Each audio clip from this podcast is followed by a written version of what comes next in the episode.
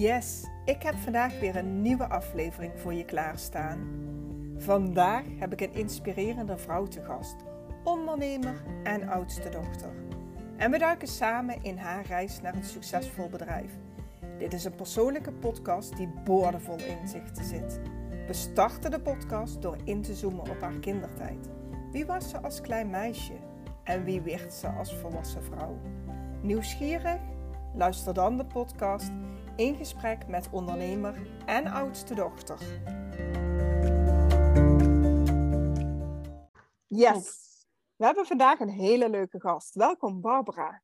Dankjewel. Superleuk dat jij te gast wil zijn in de podcast Voor en Door de Oudste Dochter. En ik ben nieuwsgierig naar jouw verhaal. Dus uh, als jij er klaar voor bent, laten we beginnen. Ja, zeker. Ik ben er helemaal klaar voor. Barbara, kan je mij en de luisteraar meenemen naar jouw gezin van herkomst? Waar kwam je Ja. vandaan? Ja, ik eh, kom oorspronkelijk uit Friesland eigenlijk. Ehm, ik heb eh, een jonger zusje, of eigenlijk twee jongere zusjes, waarvan er eentje een andere moeder heeft.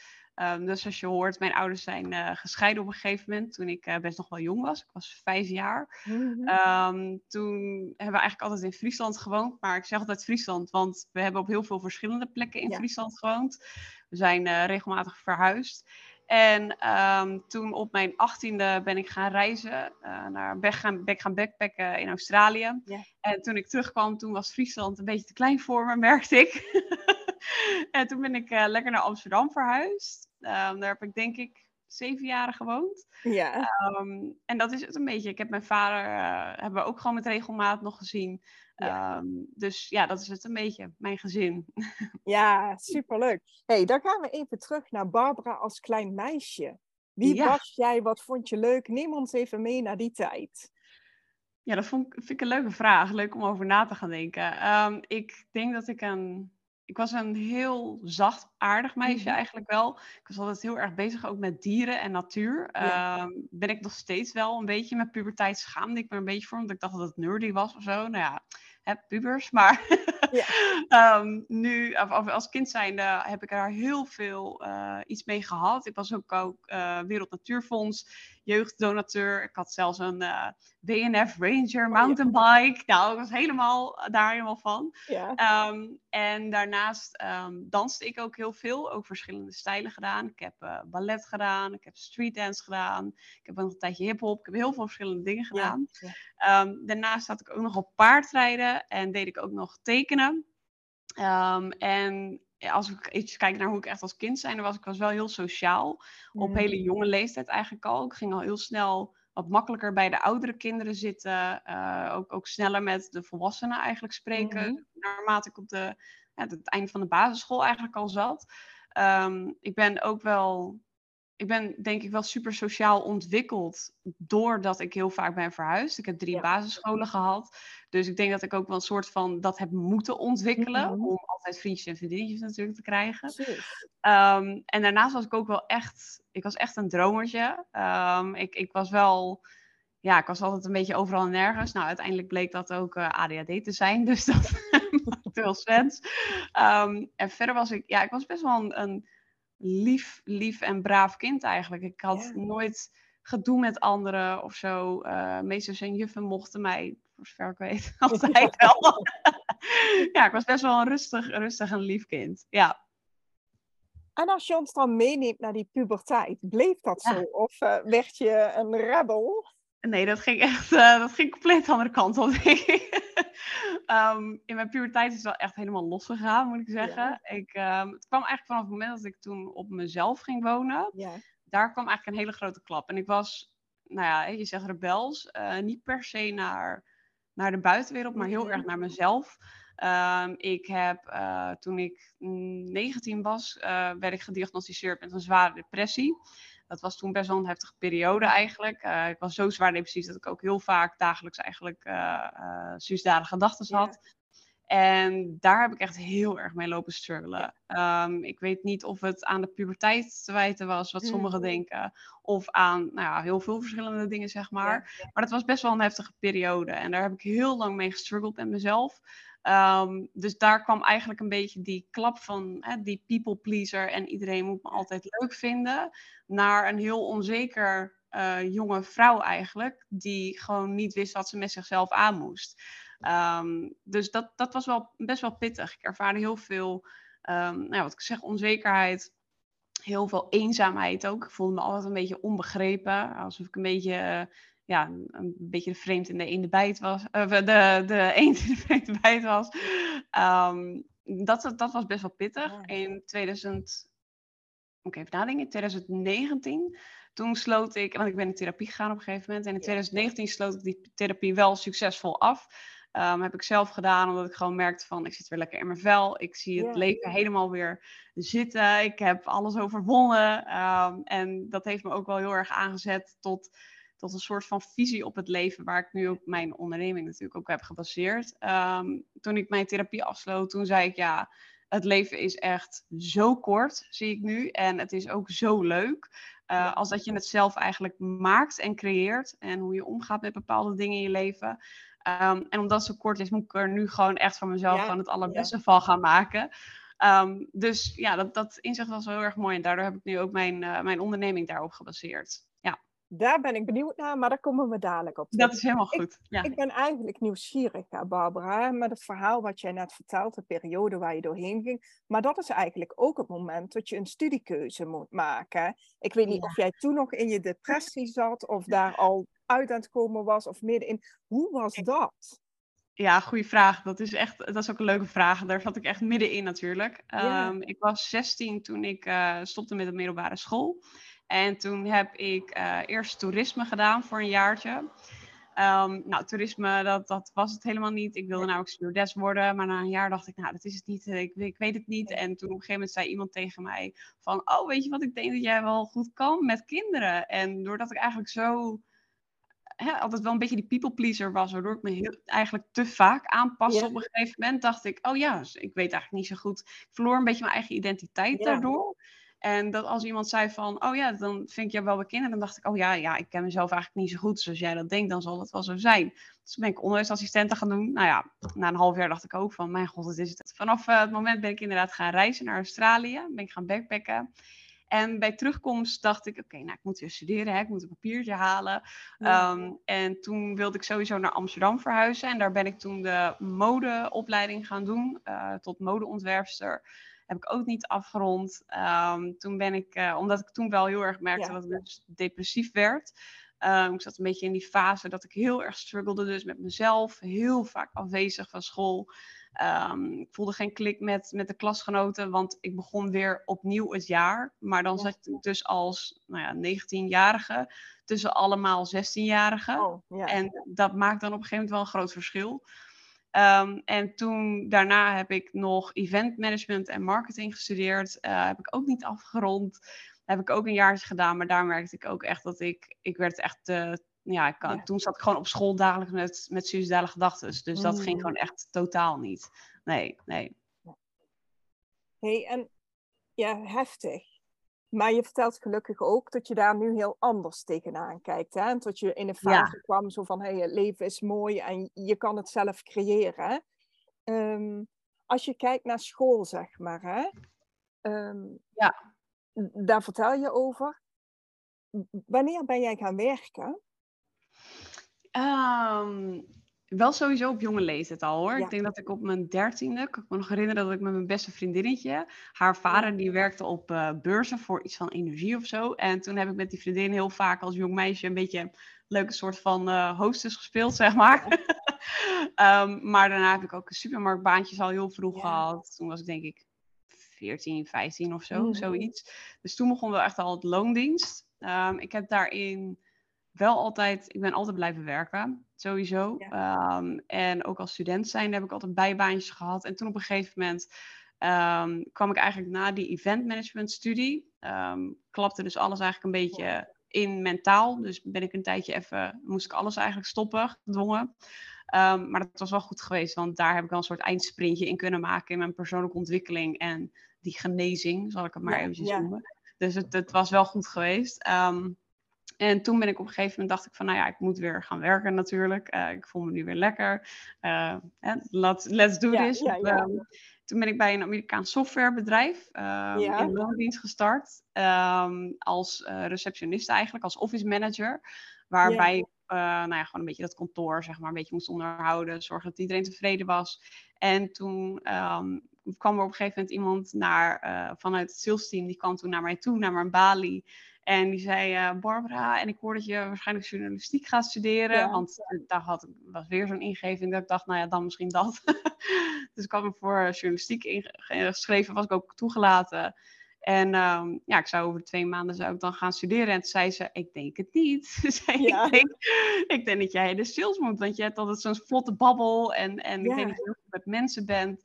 Um, dus heb je daar wel eens over nagedacht? En toen dacht ik, oh gosh, de sales? Nou, ik denk, ik zie dan zo'n Wolf of Wall Street film gewoon helemaal voor me, weet je wel. ik denk, ik weet niet of ik daar wel tussen pas. Um, maar ik ben dat avontuur gewoon aangegaan. Ik heb gewoon gezegd, weet je wat, um, wat kan hem ook schelen? Uh, ik zit toch niet, ja, de, achteraf denk ik ook wel van, ja, you go girl. ja. En ik ben het gewoon aangegaan en daar heb ik echt wel heel veel stappen gemaakt. Um, in carrièrewijs, maar ook in mijn persoonlijke ontwikkeling nog meer. Um, en daar ben ik eerst als uh, onderaan in de sales met cold calling en dat soort dingen. En vervolgens ben ik na een jaar, denk ik, um, gepromoveerd tot uh, corporate account executive. Um, waarbij we dus echt grotere deals uh, moesten ja. closen. toen was ik nog maar 21. Dus was heel veel verantwoordelijkheid al op jonge leeftijd. Maar daar ga ik wel op aan. Nou ja, dat zal wel iets met de oudste dochter. Ja, precies. dat, uh, dat bedenk ik me nu. Ja, um, ja dat, dat vond ik heel erg leuk. En, en geef me maar, geef me maar wat, wat moeite, zeg maar. Laat me maar werken. Zo. Um, en dat bedrijf op een gegeven moment, uh, nou ja, liep het niet meer helemaal zoals ik het eigenlijk in gedachten had. Toen ben ik uh, in recruitment consultant ben ik geworden. En um, daar merkte ik ook na een half jaar, dit is het ook niet. Um, en toen ben ik eigenlijk, heb ik de stap gemaakt naar ondernemen. Ja, ja, want daar was ik nieuwsgierig naar. Zo van, hé, hey, je doet nu iets heel anders. Hoe is dat ondernemerschap op je pad gekomen? Kan je ons meenemen, want je zegt het eigenlijk zelf al, hè? Toen startte het ondernemer. Kan je ons meenemen in dat moment van toen tot nu? Ja, ik merkte dat ik echt heel veel moeite had met dat ik continu moest vragen, uh, mag ik naar de tandarts? Uh, ik heb een dokterafspraak en dat ik, nou ja, bijvoorbeeld als ik dan twee keer uh, achter elkaar even snel naar een huisarts ging, dat het dan was van, nou gaat het wel goed? En dat ik me continu eigenlijk moest verantwoorden. Um, daar begon ik een beetje jeuk van te krijgen. En dat iemand dat mij... Dat is uh, ook een oudste dochter dingetje. Ja, is het zo? Wat grappig. Ja, ik merkte dat ik daar echt heel veel moeite mee had met die autoriteit. Um, omdat ik altijd als onzeker meisje vond ik het altijd juist prettig wanneer iemand me vertelde wat ik moest doen. Omdat ik dan dacht van ik weet het zelf ook eigenlijk niet zo goed. Mm. En toen ik zoveel persoonlijke groei had doorstaan, wist ik heel goed wat ik wilde en hoe ik dat moest uiten. En waardoor ik dus veel sterker in mijn schoenen stond. En in één keer merkte van, maar ik heb echt moeite met wanneer jij maar vertelt wanneer ik op kantoor moet komen. Want als ik gewoon hetzelfde werk lever, als ik om tien uur begin bijvoorbeeld. Nou ben ik niet een uitslaper, maar stel je voor. Bij wijze van. Uh, ja. Bij wijze van, ja, dan uh, daar kreeg ik een beetje moeite mee. Dat iemand mij dat continu ja, kon, kon vertellen.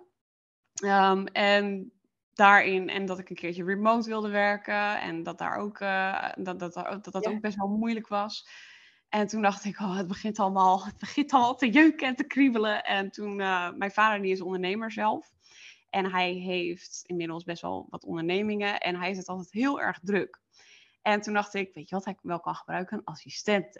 En, uh, maar ik wilde dat wel remote doen.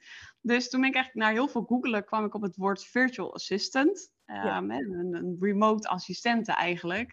Wat ik, uh, waarin mijn vader zei, Bar, je hebt het ondernemersbloed in je, want ik kan het ook en ik heb er alle vertrouwen in. Je hebt de power uh, en, en het zit gewoon in je bloed.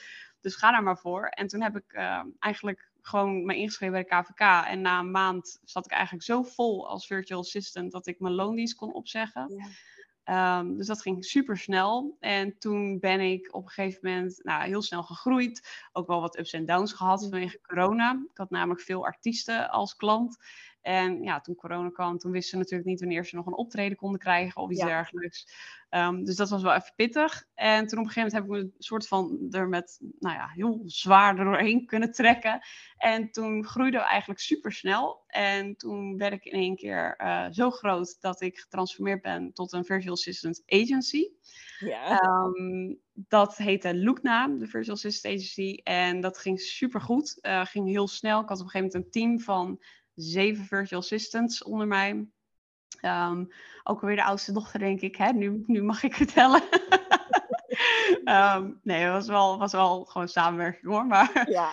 um, en dat ging heel erg goed. Haalde ik heel veel energie uit. Tot vorig jaar december eigenlijk een beetje. Mhm. Toen verloor ik mijn, mijn ja, mijn energie daarvan. Het kostte me heel veel tijd en heel veel energie. En dat leverde het me niet op op dat moment. Mhm. Ehm, de concurrentie in de markt was ook wel echt gewoon absurd hoog. Uh, voornamelijk qua prijzen. Ehm, ja, als er VA's zijn, wat echt, wat echt belachelijk is, maar dat die zichzelf gewoon verkochten voor 20 euro per uur. Um, ja, tegenover 55 tot 60 euro per uur. Dat, dat zijn moeilijke salesgesprekken. Ja, en nu ben ik wel ervaren in de sales, maar het werd me echt, het werd zo zwaar allemaal, um, dat ik mezelf een beetje overwerkte. En toen dacht ik, volgens mij is het beter um, als dit klaar is. En toen heb ik het eigenlijk uh, verkocht, de agency. Um, het voelde echt als een blok van mijn schouders. Het was best wel moeilijk ook, maar het voelde echt dat ik dacht van, oké, dit was goed, ja. de verkoop. En toen ben ik eigenlijk gaan nadenken van, ja, wat, wat moet ik nu dan doen? En toen dacht ik, ja, ik ben gewoon gaan kijken naar wat ik dus dagelijks doe. En toen kwam ik in één keer weer op dat punt van die depressie. Ehm, eh, waarin ik dat, dat mooie inzicht kreeg van het leven is te kort en ik wil er alles aan doen om het, om het maximale eruit te halen. En toen kwam ik in één keer op, zeg maar, ik doe dit al jarenlang. Uh, uh, heel veel plannen, veel reflecteren, veel dingen aan persoonlijke ontwikkeling. En toen kwam ik in één keer op dat dit blijkbaar life design heet. Dus uh, zo ben ik eigenlijk op de naam Life Design Expert ook gekomen. Um, en, en, dat doe ik nu. Ja, een, een Life Design Expert ben ik. Ja, tof. ja. en als je kijkt, je hebt een succesvol bedrijf, maar succesvol is een woord wat voor iedereen an, een andere betekenis heeft. Wat betekent het voor jou? Ja, mooie vraag. Um, ik denk dat succesvol in je bedrijf zijn is dat je uh, kunt doen wat je heel graag wilt en waar je ook goed in bent. Um, dat, je, dat je dat echt allemaal kunt omzetten daarnaar. Um, en dat het je veel voldoening geeft. Um, en ook dat je eigenlijk wel zoveel kunt werken als dat je zelf wil. Bijvoorbeeld mijn bedrijf Loopna was niet meer succesvol voor mij persoonlijk. Omdat ik dus te veel moest werken dan dat ik eigenlijk zou willen. en nu heb ik een succesvol bedrijf omdat ik werk zo veel als dat ik zelf zou willen. Ehm, dus als iemand bijvoorbeeld 20 uur per week werkt, uh, hè, dat, je, dat je gewoon een goed werk-privé-balans hebt. Ja, mooi. Ja. ja, dat is voor mij echt dat je succesvol bent. Ja, ja mooi. En als je nu kijkt, hè, want we gaan even induiken in die rol van die oudste dochter. Hè?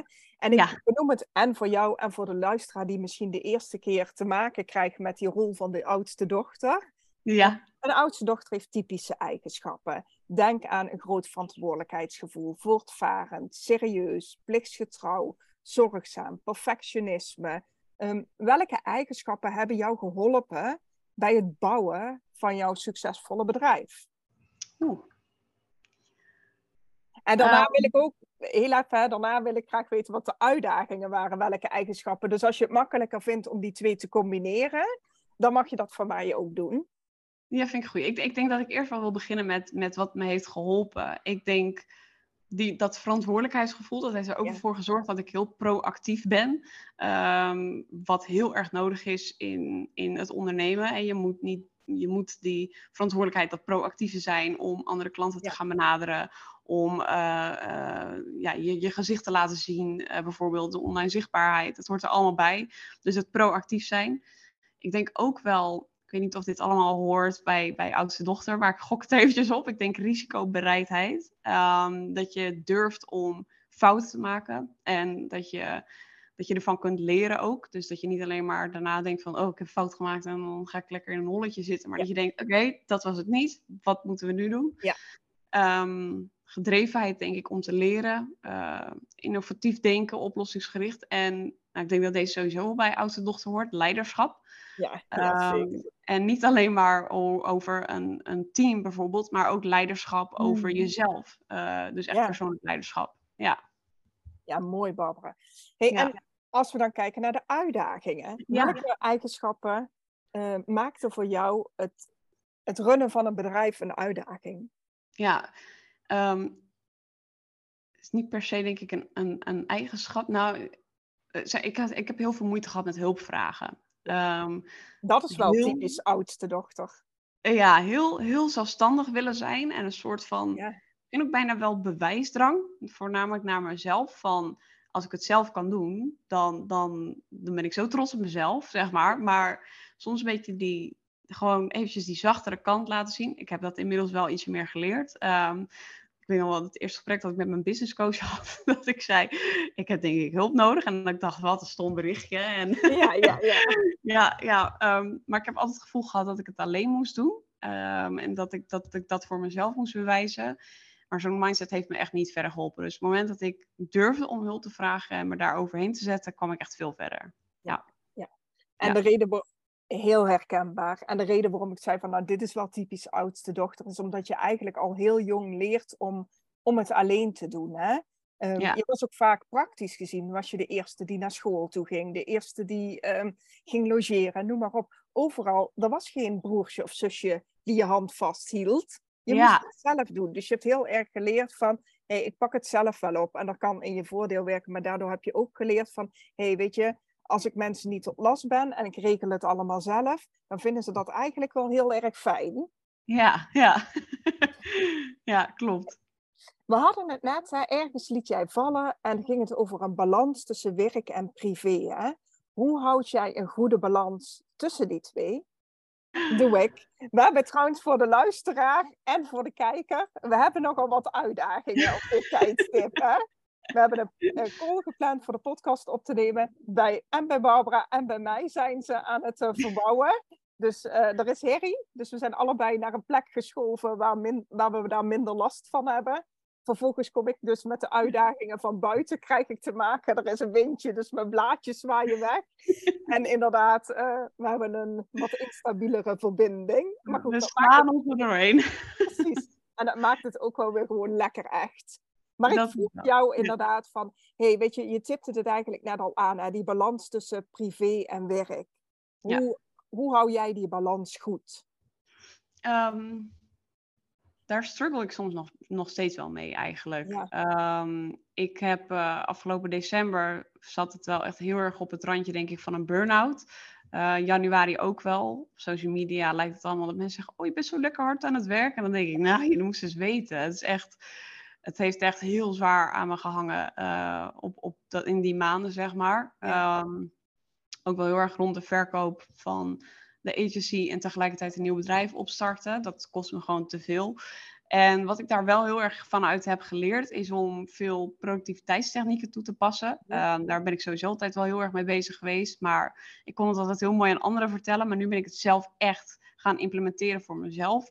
Ehm, heel veel reflectie ook. Dus ik heb gewoon wekkertjes staan dat ik uh, zeg maar dat het een reflectiemomentje is en ik moet gaan kijken.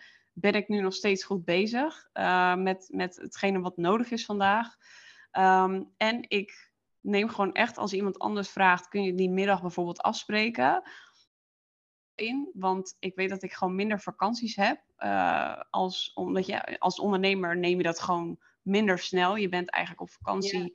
Nou, dat kan ik trouwens wel goed. Op vakanties heb ik altijd telefoon, uh, alle notificaties uit en laptop nooit mee. Maar uh, je valt er wel snel in. Um, en daardoor zorg ik ervoor dat ik, als ik snel een middag vrij kan nemen, dat ik denk, ja. pak hem maar. Want ja. misschien ga je hem even de laatste tijd, of de aankomende tijd even niet meer hebben. Dus, en gewoon heel veel ook durven loslaten. Dat als ik denk van, oké, okay, als ik eventjes uh, een week lang gewoon geen energie heb, dus het privé, om ja. uh, online zichtbaar te zijn, um, laat het maar. Uh, of zo, laat het maar eventjes los. Ja. Dus heel veel loslaten ook wel. Ja. ja. En ik vond het wel mooi, zeg maar, de, eh, eigenlijk geef je indirect een tip, hè? Want je zegt, ik zet zelfs wekkertjes van, hey, nu is mijn reflectiemoment. En weet je, we hebben het allemaal over reflecteren en vaak zien we toch dat we in de waan van de dag gewoon doorgaan. Dus ik vind het zo mooi dat je zegt, ja, weet je, ik teach je aan anderen, maar nu ben ik het ook zelf gaan doen. En ik zet gewoon dat wekkertje om even in te checken bij mezelf, ja, op een aantal punten. Dus ja, dat vind ik tof dat je dat inderdaad aangeeft. Verder gaan, Barbara, we hadden het eigenlijk er al over. En toen zei jij met een lach, toen ging het over leiderschap. En toen zei je, nou dat is volgens mij ook een oudste dochter dingetje. Ehm, welke lessen heb jij geleerd rondom het thema leiderschap? Um, goeie, dat heb ik heel erg geleerd, voornamelijk wel tijdens, ehm, tijdens toen ik de agency runde, dat ik, dat ik Safe Virtual Assistants mhm. had. Daarin wilde ik wel een soort leiderschap gaan tonen. En wat ik eigenlijk heel erg daaruit heb geleerd, is dat leiderschap echt uh, samenwerken en inspireren is eigenlijk. Dus het is heel veel luisteren naar, naar je team dan, in mijn geval ja. Heel veel luisteren naar je team, wat hebben ze te zeggen en naast ze te staan. Dus niet, niet erboven, maar gewoon ernaast. En vervolgens eigenlijk te zeggen van oké, ik ken de weg en deze kant moeten we op. Dus het is heel erg het, het, samenwerken en het luisteren en vervolgens eigenlijk te inspireren en vanuit daar te gaan leiden. Dat is wel wat ik heel erg heb geleerd. Ehm, ook wel gewoon vanuit, vanuit vorige werkgevers die altijd heel erg erboven stonden. Ja, precies. En dat, dat voelde gewoon, ja, daar, daar kreeg ik opstand uh, door uh, in mezelf. Ja. ja. En Barbara, ik ben even terug aan het halen van, goh, wat heb je allemaal verteld hè, tijdens deze aflevering? En je hebt verteld van, nou weet je, um, in je jongere jaren, om het zo maar te zeggen, was je eigenlijk wel een people pleaser. Hè? Je ging veel mee. Ja. Um, Herken je dat ook nog binnen je bedrijf, tot de mening van anderen, verwachtingen van anderen, tot dat een uitdaging was voor je? Op het begin wel heel erg. Um, ik deed eigenlijk, ik viel weer een beetje in die rol van het kind op zo'n moment. Van oké, ik betreed een nieuw gebied, ondernemen, uh, dit ken ik niet. En ja, vertellen jullie maar wat ik moet doen hoor, of zo. en, en Um, eigenlijk moest ik daar ook weer in groeien. Ondernemen is sowieso, dat is echt een, echt een vak apart. Um, Daarin groei je zo anders. Nou, jij kent het waarschijnlijk ook wel. um, waarin ik heel, erg steeds dacht van, nou, kom op bar. En, en weet je, waar, waar, waar zit je? Want je weet al dat je het kan eigenlijk. Maar je probeert continu te denken van, oh, mensen gaan dit misschien raar vinden als ik dit plaats. Of, oh, ik het wel, uh, mijn content moet wel allemaal uh, sterk zijn. En het moet allemaal een goede feed zijn. En... en Ehm, dat heb ik nu eigenlijk toevallig wel, denk ik, sinds twee maanden pas. Nog best wel recent, mhm. maar echt heel bewust gedacht. Dit moet ik echt gaan loslaten. Want het maakt me niet gelukkig, want ik ben dit niet. En ik weet donders goed wat ik aan het doen ben. En ik weet donders goed wat werkt. Ehm, dus vertrouw maar op jezelf. In plaats van continu weer te denken van... Ah, wat, wat vind jij? En denk je dat ik het zo moet doen? Ehm, maar dat heb ik pas sinds twee maanden eigenlijk pas die knoop voor mezelf door kunnen hakken. Na bijna twee jaar ondernemen. Dus ja, zo makkelijk uh, is en, uh, ja, precies. Ik wou zeggen, weet je, het klinkt zo makkelijk altijd. Nou, dan laat het maar los. Maar uh, als je de luisteraar mee kan nemen, hoe heb je dat losgelaten? En dat is natuurlijk, weet je, zo'n hele grote vraag. Maar wat is dan de eerste stap die je daarin zet? Echt bewustwording. Echt, echt heel duidelijk hebben van... Um, als ik als ik deze actie onderneem uh, voor mijn bedrijf, hè, bijvoorbeeld een mhm. marketingstrategie of iets, heb ik heel erg geleerd, doe ik dit omdat iemand anders mij heeft verteld, zo werkt het? Ja. Of doe ik dit omdat ik uh, iemand anders mij dit heeft verteld, maar ik ook mijn eigen mening ermee heb kunnen combineren en op basis daarvan een actie heb kunnen stellen. Dus bijvoorbeeld, uh, laten we het even over social media content hebben, want dat is natuurlijk best wel een, hè, marketing is een groot topic. Ja. Um, je, hebt, je hebt overal cursussen die je vertellen van je moet deze woorden gebruiken, je moet precies doen, dit doen, precies dat doen. En dat heeft voor mij niet, nou het heeft redelijk goed uitgepakt, maar niet zoals ik het zelf wilde. En nu doe ik het compleet op mijn eigen manier. Um, maar wel met de kennis die ik heb opgedaan uit een cursus en, en verschillende trainingen. En die combinatie, dat is echt wie ik nu ben. Want de kennis zit in me, maar ik heb ook Barbara in me. Dus die combinatie, dat zorgt ervoor dat ik echt heel erg stop met eigenlijk continu aan te passen aan anderen. En gewoon, ik val er nog steeds soms in hoor, trouwens. Maar het is, het is hè, wat we net al zeiden, het is een proces waar je doorheen gaat. En steeds denkt van, dit, dit wil ik, toch? even, even, bij jezelf inchecken of zo. Ja, ja. mooi inderdaad. Inderdaad, dat je uh, kennis implementeert, maar vervolgens eigenlijk je eigen sausje eroverheen gooit, zodat het Zo, ja. eigen ja. wordt, inderdaad. ja. Hey, Barbara, ik uh, spiekte net even op de tijd, hè?